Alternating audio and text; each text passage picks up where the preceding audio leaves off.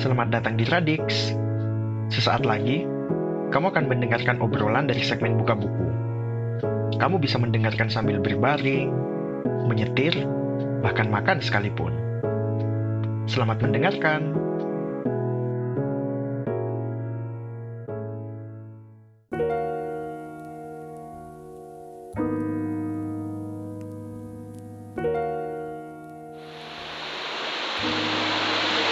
Saat ini saya sudah ditemani oleh penulis kumpulan cerpen pengarang Dodit yang sebelumnya telah terbit melalui penerbit Basa Basi pada Februari 2019 lalu.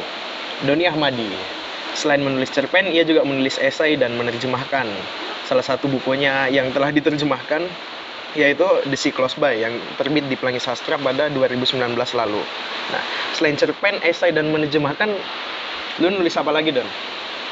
nulis kritik sastra Deketin sini. Biar enak. kan kritik sastra sama udahlah oleh esai-esai bola Oh, esai-esai bola ya. Hmm. Lu nggak nulis puisi ya?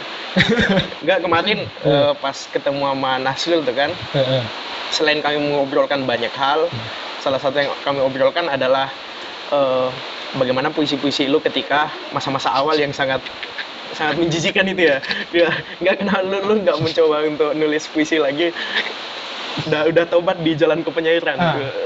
karena apa ya terlalu jadi Etigo Gunawan Muhammad pada akhirnya kan pada akhirnya udah karena baca Gunawan Pak paling jauh Ibrahim Sata tapi tetap aja larinya ke Gunawan apa GM lagi GM lagi GM lagi, GM lagi. di satu sisi kita baca maksudnya baca banyak tentang GM dan betapa menyebalkannya pemikirannya kan kalau nulis puisi jadi GM gimana udah lah skip skip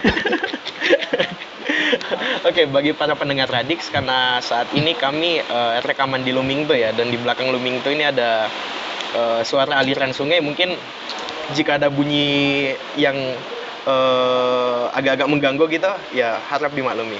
Oke, mungkin kita langsung aja ya, Don. Hmm. Eh, tapi sebelum sebelumnya eh, saat ini lu sibuk apa? lagi nempel kecil lagi garap terjemahan Oh, terjemahan lagi ya? Iya. Terjemahannya siapa? ya? terjemahin ada penulis muda Amerika dia nulis fiksi yang pendek-pendek banget gitu Fiksi mini gitu ya? semacam fiksi mini tapi ada yang lumayan panjang tapi pendek Oh. tapi kalimat-kalimatnya Oh, itu enggak kayak cerita paling pendeknya Amerika Enggak, Latin ya? beda. Ah, ada yang mirip, ada yang beda. Tapi kekuatannya dia itu paragrafnya nggak pernah panjang. Dalam satu paragraf minimal paling banyak itu tiga kalimat. Hmm. Itu paling sangat paling banyak tiga kalimat dan tipis-tipis banget. Antologi satu orang ya? Enggak itu Bersama. mungkin antologi bersama. Ada dia, ada David Edelman. Hmm. David Edelman itu buku ini buku yang terjemahkan ini judulnya Sum hitungan. Jadi ini bukunya itu isinya 40 dongeng setelah kematian. 40 dongeng setelah kematian. Iya. Oh. Ya aku bocorin satu bocorin satunya ini kali ya. Ketika kau mati, kau akan dibangkitkan. Terus kau akan dibangkitkan dengan semua hal yang kau lakukan di bumi dalam satu waktu. Hmm. Misalnya kau mengendarai mobil selama tiga hari, Absurd ya. Ya, kau gunting kuku selama 17 jam. Nah ini itu, itu, itu lucu dan seru banget sih. Dan rencana itu bakal bakal jadi satu buku sama beberapa fiksi yang pendek juga. Hmm. salah satu salah satunya ada Lydia, Lydia Davis dan Edgar Keret. Hmm. Oh, Edgar Keret yang akan kita bahas juga saat Hmm. ini ya. Berarti itu akan diterbitkan di Anagram ya? Ya mudah-mudahan. Bagi teman-teman yang belum tahu, Doni ini juga mengelola penerbit Anagram yang sebelumnya telah eh, menerbitkan buku pemenang tiga sayembara novel DKJ tahun 2018 yang berjudul Balada Supri. Oke, mungkin langsung aja ya. Yang membuat lu tertarik dengan Edgar Keret ini apa sih, Don? Maksudnya si Edgar ini kan eh, fiksi-fiksinya belum banyak atau mungkin baru satu yang masuk di Indonesia ya secara resmi gitu melalui bentang Iya. ya.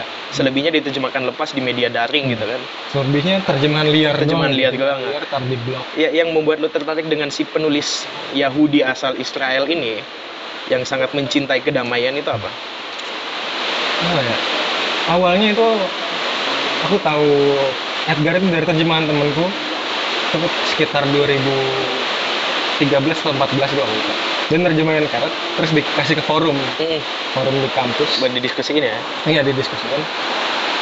dan yang menarik itu adalah tentu saja imajinasinya loncatan loncatan peristiwa ke peristiwa Hmm. bagaimana kelamnya tokoh-tokohnya dan bagaimana situasi kelamnya itu dibalut dengan humor Hmm. dan kita ketawa gitu. Ini lucu lucu juga ya. Ini siapa nih penulisnya nih? Edgar. Dan dan yang lebih menarik dan yang lebih menarik adalah dia orang Israel. Iya. itu itu menarik. Itu sangat menarik. Karena karena tentu saja Israel di di Indonesia adalah itu bisa di- dikasih tanda kutip tentu saja kan. Orang bejat ya. dan dan dan ini menarik sih ketika ketika baca buku Edgar Tapi Edgar Keret ini penulis yang belum lama ya, maksudnya dalam artian eh, dia penulis yang masih hidup yang pertama kan. nah dia Dan masih hidup. kata-katanya kan masih tergolongkan tahun 90-an ya. Hmm. buku aku lupa itu tahun berapa tapi 99 dia udah nerbitin buku dan tahun ini nih kalau tahun lalu 2019 dia baru nerbitin Oh, kumpulan cerpen kumpulan cerpen ya. Hmm. Oh, tapi si Edgar ini nggak nulis novel ya? enggak Hanya cerpen ya. Hmm. Oke, eh, saat ini kami akan membahas tentang buku memoir yang dia tuliskan. The Seven Good Years. Seven Good Years ini sebelumnya sudah diterbitkan oleh Bentang Pustaka pada tahun 2016. Mungkin lu bisa ceritain eh, cerita, eh, ceritain Don eh, ini buku tentang apa gitu. Ini memoir tentang kisah hidupnya atau tentang kisah suatu daerah yang sedang dia jalani. Hmm. Seven Good Years itu memoir yang memoir yang dia alami sih menurut menurut pernyataan dia. Menurut pernyataan dia. menurut pernyataan si penulis ini si Edgar Kenneth ini. Ini adalah ini kisah nyata gitu. Ini yang dia alami dan akhirnya dia tulis. Kita bisa percaya itu. Kalau misalnya hanya baca pengantarnya ya. Hmm. tapi ketika baca isinya itu bisa kita bisa curiga sendiri. Jangan-jangan ini fiksi karena beberapa cerita Keret itu hampir mirip kan begini. Ketika dia menyajikan ironi di depan matanya gitu seperti Hmm. cerita apa, apa kisah pertama di Seven Good Years ketika satu keluarga ini si Edgar anaknya dan istrinya ingin pergi ke rumah sakit lalu dia ngelihat ada rudal jatuh dan mereka bertiga keluar gitu dan bagaimana dan bagaimana bagaimanapun caranya dia harus membujuk si anak ini agar tetap bisa senang gitu. Hmm. Tanpa merasa takut ya. Tidak merasa dengan takut. suasana dengan peperangan. dengan suasana peperangan itu dia keluar dan bilang bagaimana kalau kita main roti lapis lalu istrinya istrinya ti- tiarap lalu si anak ini dia bilang jadi aku lupa itu namanya apa salami atau di bagian tengah ya. di bagian tengah Kayak di daging bagian gitu ya, kayak daging atau sayur daging gitu atau ya. sayur. dan Edgar di bagian atas menariknya menariknya adalah ketika kisah itu diakhiri dengan rudal dengan rudal yang jatuh dus Hmm. di jauh di depannya dan dia berpikir kalau sepertinya banyak lebih banyak salami-salami yang hancur di depan lapis saya. lainnya yang hancur lapis ya. lainnya hancur dan kita masih bisa tertawa di situ itu itu ini banget sih itu sangat ngasih kesan lalu ada kisah kedua yang lumayan lumayan gila yang menurut kita jadi dia pernah nulis dia nulis di print dikasih ke, kakak, ke kakaknya Hmm. terus di, komentar kakaknya adalah ini karyamu ini tulisanmu bagus Hmm. terus dia minta diambil sama kakaknya tulisannya dipakai buat ngambil kotoran anjing dan dalam pengakuan Carrot dia bilang kalau ini yang ini yang membuat saya tetap menulis Ini- makanya ini ini pengalaman-pengalaman yang menurut Carrot adalah pengalaman aslinya dan menurut pembacaanku sendiri gitu sebagai pembaca fiksi-fiksinya dia juga bergerak di situ gitu Hmm.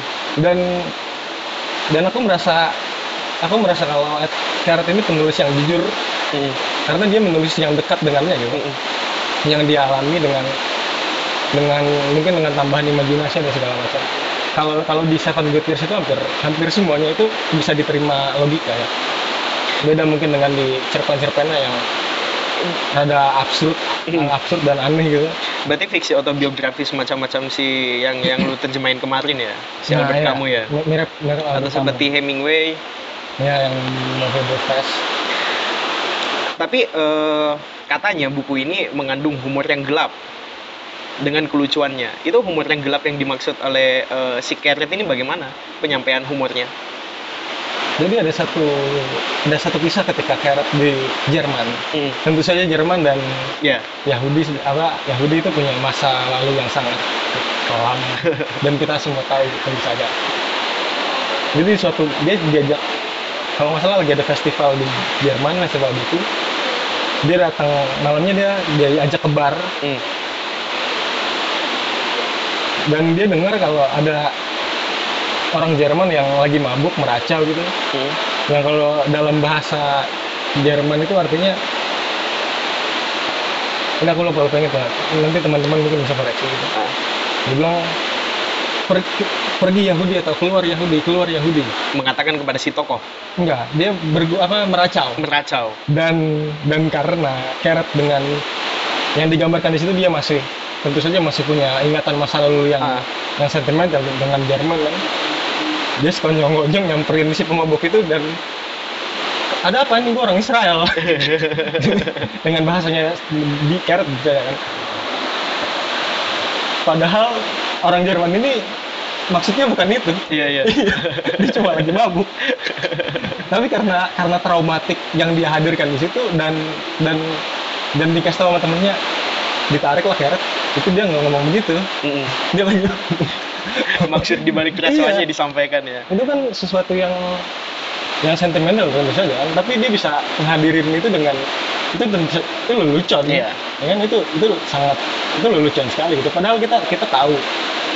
Kalau misalnya Nazi dengan Yahudi itu Iya. udah sekacau apa kan? Dan dan dia dia bisa bawain dengan sehumor itu. Lalu ketika dia ke Indonesia dia sebelum ke Indonesia dia cari tahu dulu bendera Israel dibakar Oh berarti si Betapa Kenneth ini pernah ke Indonesia ya? dia pernah datang ke Ubud Writer Hmm. Dalam rangka tulisannya itu. hmm. Dia pernah bilang aku aku lupa tahun berapa dia cerita di di dalam buku itu di Seven Days itu ada ceritanya dia gitu. Sebelum ke Indonesia dia searching dulu apakah Israel. Wah kacau sih. ya Nah, tapi memang nah, orang Indonesia iya. sebagian besar membenci Israel. dan alasan dia akhirnya datang ke Indonesia adalah ketika dia tahu oh di Bali ternyata Hmm. mayoritas Hindu oh aman, aman. nggak ada nih aku aman nih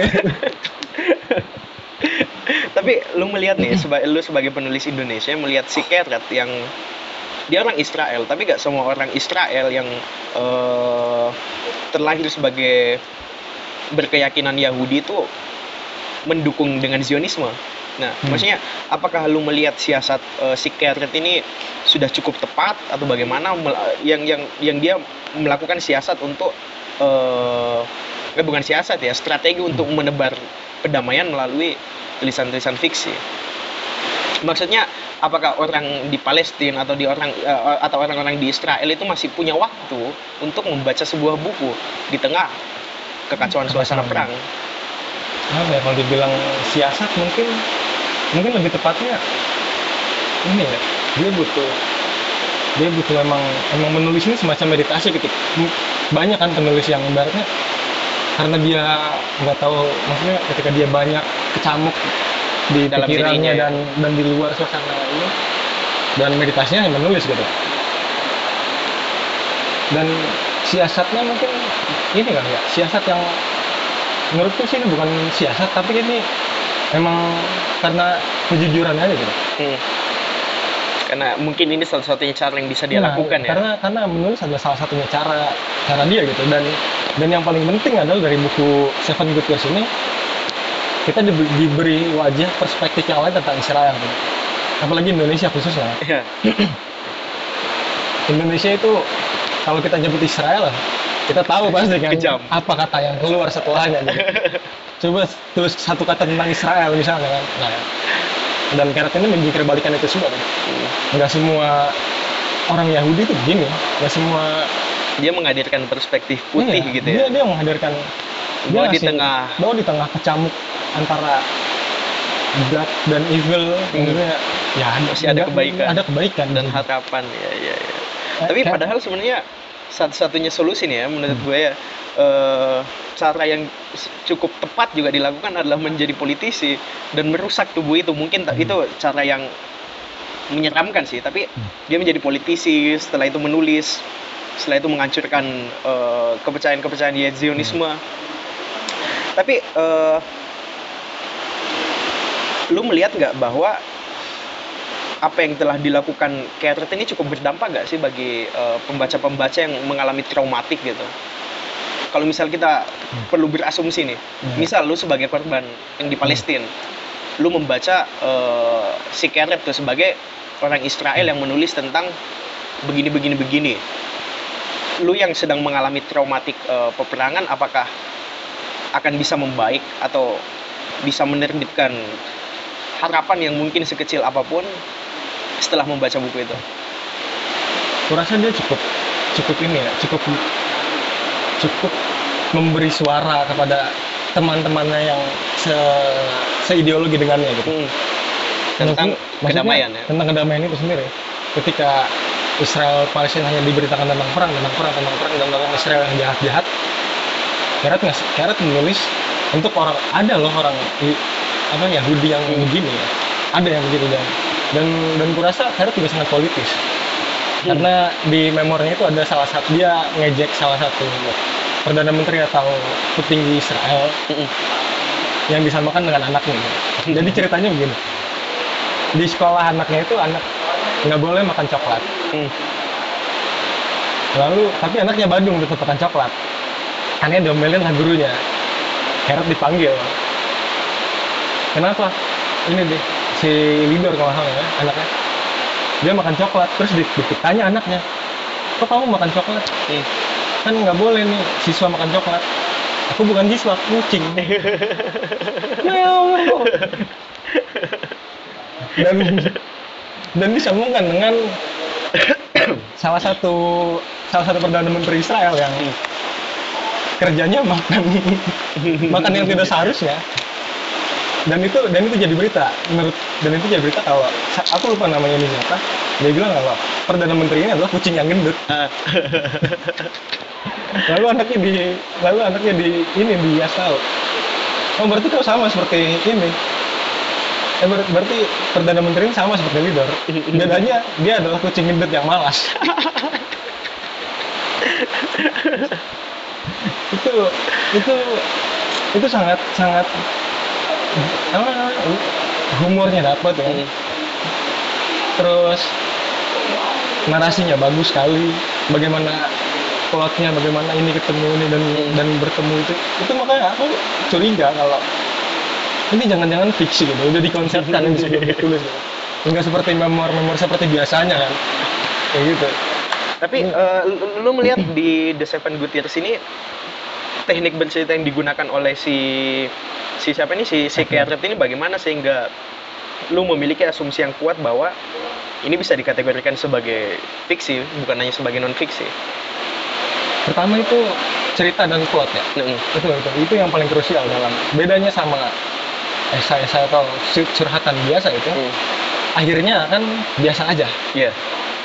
dalam hampir semua dalam cerita ini Gareth selalu punya akhir yang yang Hmm. selesai Iya iya. iya. ketika dia mengakhiri kisah di satu bab di satu bab di cerita itu selesai Mm, terus lari ke cerita kedua ceritakan tentang ini lagi dan selesai membangun kembali ya. dan membangun kembali membangun kembali itu makanya aku curiga kalau wah ini kayak fiksi nih Mm, karena karena biasanya kan ketika misalnya bab satu dia pasti akan menceritakan misalnya dia lagi bicara tentang kehidupannya gitu ya dia Hmm. akan berkutat di situ kan lalu kedua tentang karir misalnya Hmm. situ tapi ini enggak gitu setiap tahun dalam Seven Good Years ini Oh ini benar. Ini ada berapa bab? tujuh bab Ada per tujuh. tahun Oh berarti iya sesuai dengan judul sesuai ya. dengan judul Tujuh tahun yang baik tujuh ya. tahun yang Tujuh tahun yang baik. sebenarnya nggak baik-baik Enggak, mak- maksud gue, apakah dari tahun pertama nih itu sudah baik atau puncak kebaikannya baru nyampe di tujuh? Di tujuh di tujuh masih lu- lu- lumayan itu maksudnya ironi-ironi yang ada di awal itu akhirnya ada ketika dia cerita aku lupa aku gue lupa aku lupa kalau waktu ayahnya meninggal kalau nggak salah Itu terulang kembali di tujuh ya? Masih Iya. ironi-ironi yang Iya. dihadirkan sebelumnya? sebelum ketika tahun pertama dan akhirnya muncul lagi ini ketika dia mengingat ayahnya bagaimana dan se- segala macam Tapi lu pribadi Don, Hmm. eh, ketika membaca memoir nih, yang yang asik itu yang kayak gimana sih? Apakah yang dituliskan sebegitu eh, apa adanya atau yang dibalut dengan dramatisasi cerita? Walaupun tetap berpijak Hmm. kepada fakta-fakta yang telah terjadi dari dalam diri dan luar diri. Dra- dramatisasi cerita itu perlu ya apalagi ya. dalam fiksi itu Hmm. aku rasa semua memoir melakukan itu pasti melakukan itu Oh berarti enggak kebanyakan memoir di Indonesia Iya, yang kebanyakan kayak di motiv Indonesia. motivasi di Indonesia Nah, kan ada ceritanya zero to hero tuh. nah itu Tapi itu dramatisasi yang berlebihan kan? nah iya itu berlebihan dan dan dan di Keret dia menulis dengan apa adanya seolah-olah seolah-olah itu emang benar Memang terjadi begitu emang benar terjadi. terjadi dan dan dia emang emang emang cer- sangat cerdas menurutku Hmm. ketika dia menulis tentang satu hal dia punya sambungannya gitu. Hmm. dan itu juga terjadi itu terjadi di entah di tempat lain entah Hmm. di orang lain yang juga dekat dengannya gitu. Hmm. dekat dengan peristiwa-peristiwa sehari-harinya. Dan memoir semacam ini jarang banget ditemui di Indonesia tentu ya. Ya memoir yang tadi kau bilang gitu. Dari from Zero to hero. Rata-rata seperti itu kan. Diakhiri dengan oh ternyata dia adalah pahlawan oh ternyata dia Karena sepembacaan saya, Hmm. karena saya dulu cukup getol ya membaca buku-buku motivasi ketika dalam masa-masa yang masa-masa yang sulit. Jadi ketika membaca, eh, saya tidak pernah menemukan bahwa buku-buku motivasi di Indonesia itu from hero to zero. Kan itu adalah rumus yang salah. Mereka Iya. harus memulai dari nol sehingga menimbulkan kesedihan, orang tertarik untuk membacanya, yang, Akhir- dan berakhir kepada happy ending. akhirnya memberi motivasi. Semua orang bisa loh begini. Nah. bisa melakukan padahal itu tidak. Padahal itu mustahil. Menjadi seperti Hairil Tanjung. Iya anak singkong. Itu itu omong kosong sebenarnya. Maka terlalu banyak drama. Itu yang yang berlebihan itu makanya kan dalam fiksi juga tentu saja yang berlebihan itu emang berarti tetap harus sesuai porsi ya ketika Iya. menuliskan memoir itu ya dalam iya harus harus begitu gitu. dia menulis tentang dia menulis dengan jujur dia menulis tapi menurut lu ketika menuliskan memoir yang berdasarkan fakta nih dan dengan gaya yang eh, fiksional ya apakah tetap bisa menghadirkan suatu kebohongan-kebohongan mungkin ya saya tidak tahu apa istilah yang tepat mungkin kebohongan-kebohongan untuk menciptakan cerita yang menarik untuk disampaikan. Apakah bisa gitu mencampur adukan hmm, tergantung siapa penulisnya tergantung penulisnya Eh, tergantung siapa penulisnya sebenarnya pa- pasti ada. Nggak semuanya autobiografi yang ditulis apalagi autobiografi. Nah, dia sendiri yang nulis tentang dirinya. Iya. itu sudah pasti ya ini kayaknya lebih bagusnya begini nih sebagai penulis yang diminta untuk menulis tentang dirinya ya kita sudah tahu kan bagaimana kan asal cerita yang bisa asik ya Hmm, tapi Carrot Carrot beda beda banget gitu dia mengutuk dirinya Hmm. dia mengutuk apa membercandai anaknya gitu bagaimana dia tetap men- men- mencari siasat yang paling yang paling sulit itu adalah ketika dia mencari siasat saat berdialog dengan anaknya gitu. Hmm. Di di buku ini nih jelas banget gitu bagaimana hubungan dia dan anak hubungan dia dengan istri gitu. Aku, aku lupa di cerita mana ketika dia memilih dia sama istri berdebat untuk sekolah anaknya di mana. Apakah anaknya boleh jadi tentara? Pada akhirnya kan perang dan segala macam dan Carrot menolak itu tentu saja. Oh itu itu itu in- dia bisa menghadirkan hal intens dibalut humor yang sebenarnya kalau kita ada di posisi dia kita nggak nggak mungkin tertawa gitu. Hmm. tapi Carrot bisa memosik memosisikan diri memosisikan pembaca di situ. Bagaimana dia menaik turunkan apa namanya perasaan pembaca dan kita bisa tertawa di satu sisi dan kita habis itu berdecak. Tapi yang menarik juga karena eh, konteks humor yang dihadirkan ya, walaupun kita berbeda negara, Hmm. kita masih bisa menangkap apa yang coba dia sampaikan itu. Nah, itu, karena- Kita masih bisa tertawa. karena karena emang dia dia menulis dengan jujur Dia menulis dengan jujur ya. karena aku aku merasa begini loh fiksi yang ditulis dengan berlebihan itu pada akhirnya hanya akan menghasilkan menghasilkan Kepalsuan, ketidak kepalsuan. kepalsuan dan ketidak masuk akalan yang tentu yang tentu saja berasa dengan pembacanya tentu saja. Nah ini mah ngarang nih begini. Nah ini mah ini enggak mungkin kayak mungkin lari ke, ke Marquez gitu. Hmm. Dia dia dia hidup dengan dongeng-dongeng itu gitu. dan dan rata-rata orang-orang kolomnya juga hidup dengan dongeng-dongeng itu kan Tapi gue rasa ini si Keret mestinya eh, karena dia cukup lihai berkomedi ya. Mestinya dia bisa mengikuti eh, caranya Mark Twain bahwa Mark Twain itu Hmm, pernah menjadi iya. stand up komedi ketika dalam masa-masa sulit. karena dia pandai berhumor ya. Karena bukunya juga kan ya di Krakatau itu panduan eh, humor panduan humor. Nah, Iya. terakhir nih yang mengenai strategi tuh. Si Keret ini kan mempunyai strategi untuk saling bertukar terjemahan dengan eh, penulis Palestina ya yang gue juga lupa namanya. Menurut lo apakah strategi itu tepat juga ketika dilakukan oleh orang Indonesia untuk melakukan pertukaran-pertukaran eh, terjemahan itu untuk Hmm. saling menyampaikan apa yang telah terjadi di negeri kami. Iya itu penting banget. Itu maksudnya dari dari dari beberapa tahun lalu aku sudah mikir begitu gitu. Hmm. Maksudnya cara paling dekat untuk bertukar budaya itu adalah saling bertukar karyanya ya? masing-masing. Teks saling bertukar teks itu. Bagaimana kita membaca Prancis, bagaimana kita membaca negara luar dari teks itu sendiri dan bagaimana negara luar membaca Indonesia dari teks itu sendiri. Hmm. Dan rata-rata ketika para peneliti ke Indonesia itu kan rata-rata mereka menemukannya di teks lebih dahulu. Iya. Via teks, akhirnya tertarik, dicari tahu, dan akhirnya datang langsung. Itu. Dan apa yang dilakukan Karat itu sangat sangat Tepat ya. sangat tepat gitu. Ketika dia bertukar terjemahan dengan penulis Palestina, saling menerjemahkan gitu dari bahasa Arab ke bahasa Ibrani dan bahasa Ibrani ke Arab. Hmm. Dan akhirnya mereka berdua dan Karat pada tahun itu tahun berapa itu lupa menjadi penulis Israel satu-satunya yang dibaca di Hmm. Palestina kan. Tapi bukannya Keret juga menjadi penulis satu-satunya yang dibenci oleh segelintir Oh, pemerintah ya. Tentu saja. Dan Tapi itu membuat dia aman ya, maksudnya dia tidak dihukum atau ditembak atau ditangkap. gitu. Apa Apakah ya? karena dia berprofesi sebagai penulis? Ya. itu itu ada ada kemungkinan di situ satu. Apalagi dia udah dia sangat terkenal. Iya. bisa di bisa di bisa turun bisa dia pamor Israel kalau kalau orang ini dibungkam kan yang diserang adalah penulis. iya ya. itu Oke. itu apa ya mungkin ke tahun sekarang kali ya kayak misalnya kau nulis tentang misalnya kayak buku yang baru terbit itu kejatuhan Gus Dur gitu Hmm. Itu kan nama-nama orang sekarang dibahas Hmm. dan apalagi orang-orangnya masih hidup dan ada di Hmm. pemerintahan kan Hmm. mungkin kalau penulisnya itu zaman ada hidup di zaman orde baru Mati ya. ah, Dor gitu. itu sudah pak sudah bisa dipastikan ya.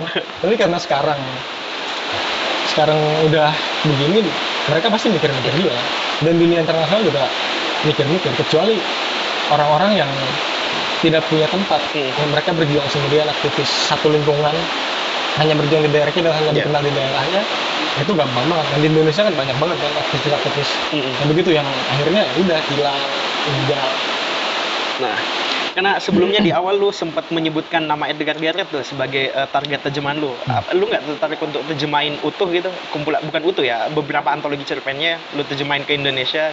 Iya, ada ada. Sedang makanya aku lagi aku penerbit itu juga lagi nyari penerjemah Hmm. Bahasa Ibrani gitu. Oke, bagi para pendengar Radix nih yang rasanya juga mustahil ya. yang tertarik yang yang mempunyai skill untuk menerjemahkan bahasa Ibrani boleh eh, menghubungi Doni langsung untuk melamar Ya. sebagai penerjemah lepas. Karena karena emang di Israel itu mereka punya semacam komite buku dan dan dia ngasih beasiswa untuk untuk siapa pun penerbit dari mana pun Hmm. yang bisa menerjemahkan yang bisa ya. menerjemahkan dari bahasa Ibrani Ibrani untuk ke negaranya. untuk ke negara untuk ke negara asal dan dikasih dan ada beasiswa di situ. Tapi Aku- me- mengenai komite buku ini belum ada penulis Indonesia yang melakukan penelitian ke Israel ya? nah itu Belum ada ya? pertama ini bocoran dari temenku ada ada salah satu temenku yang ingin tahun lalu ingin residensi ke Hmm. Palestina Hmm. karena dia ingin Ke Al-Aqsa. Bukan ingin ingin meneliti puisi Arab Iya. karena puisi Arab Hmm. itu di sastra Indonesia sendiri cukup berpengaruh kan. dan dan dia dikasih tahu oleh salah satu temannya yang pernah ikut residensi dia bilang komite buku itu sangat sangat Melihat-lihat ya? sangat sangat mempertimbangkan daerah konflik karena tentu saja kan Hmm.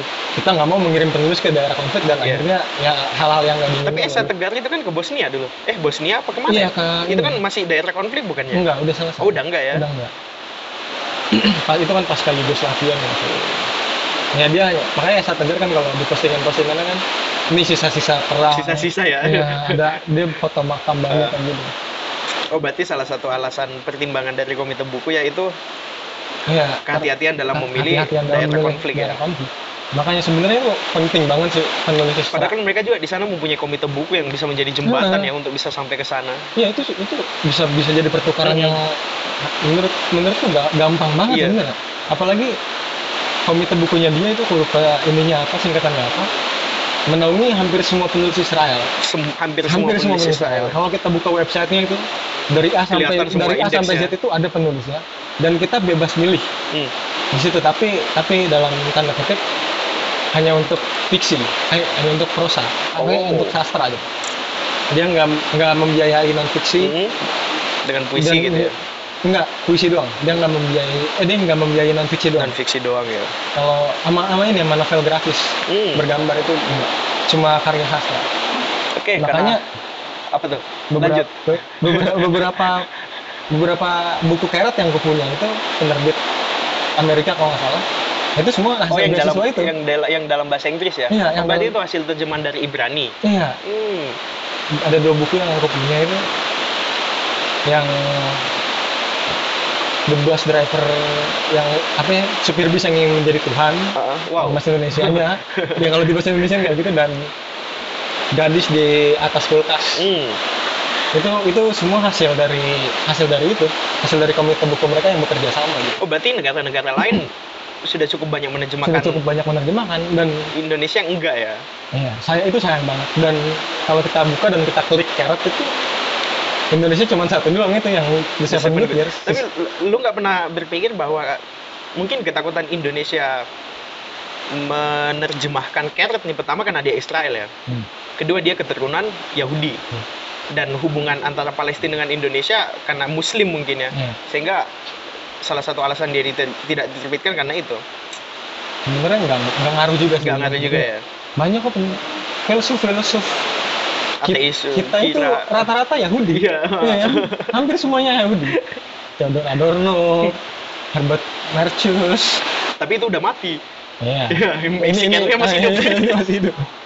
Oke, karena waktu kita sudah habis, eh, terakhir nih, boleh dong, eh, karena lu baru nerbit, eh, lu baru mengelola penerbit independen nih, boleh dong diceritain itu anagram kayak gimana gitu? Apakah teman-teman boleh mengirimkan naskah di sana, atau ada eh, kriteria-kriteria khusus untuk menerbitkan di anagram?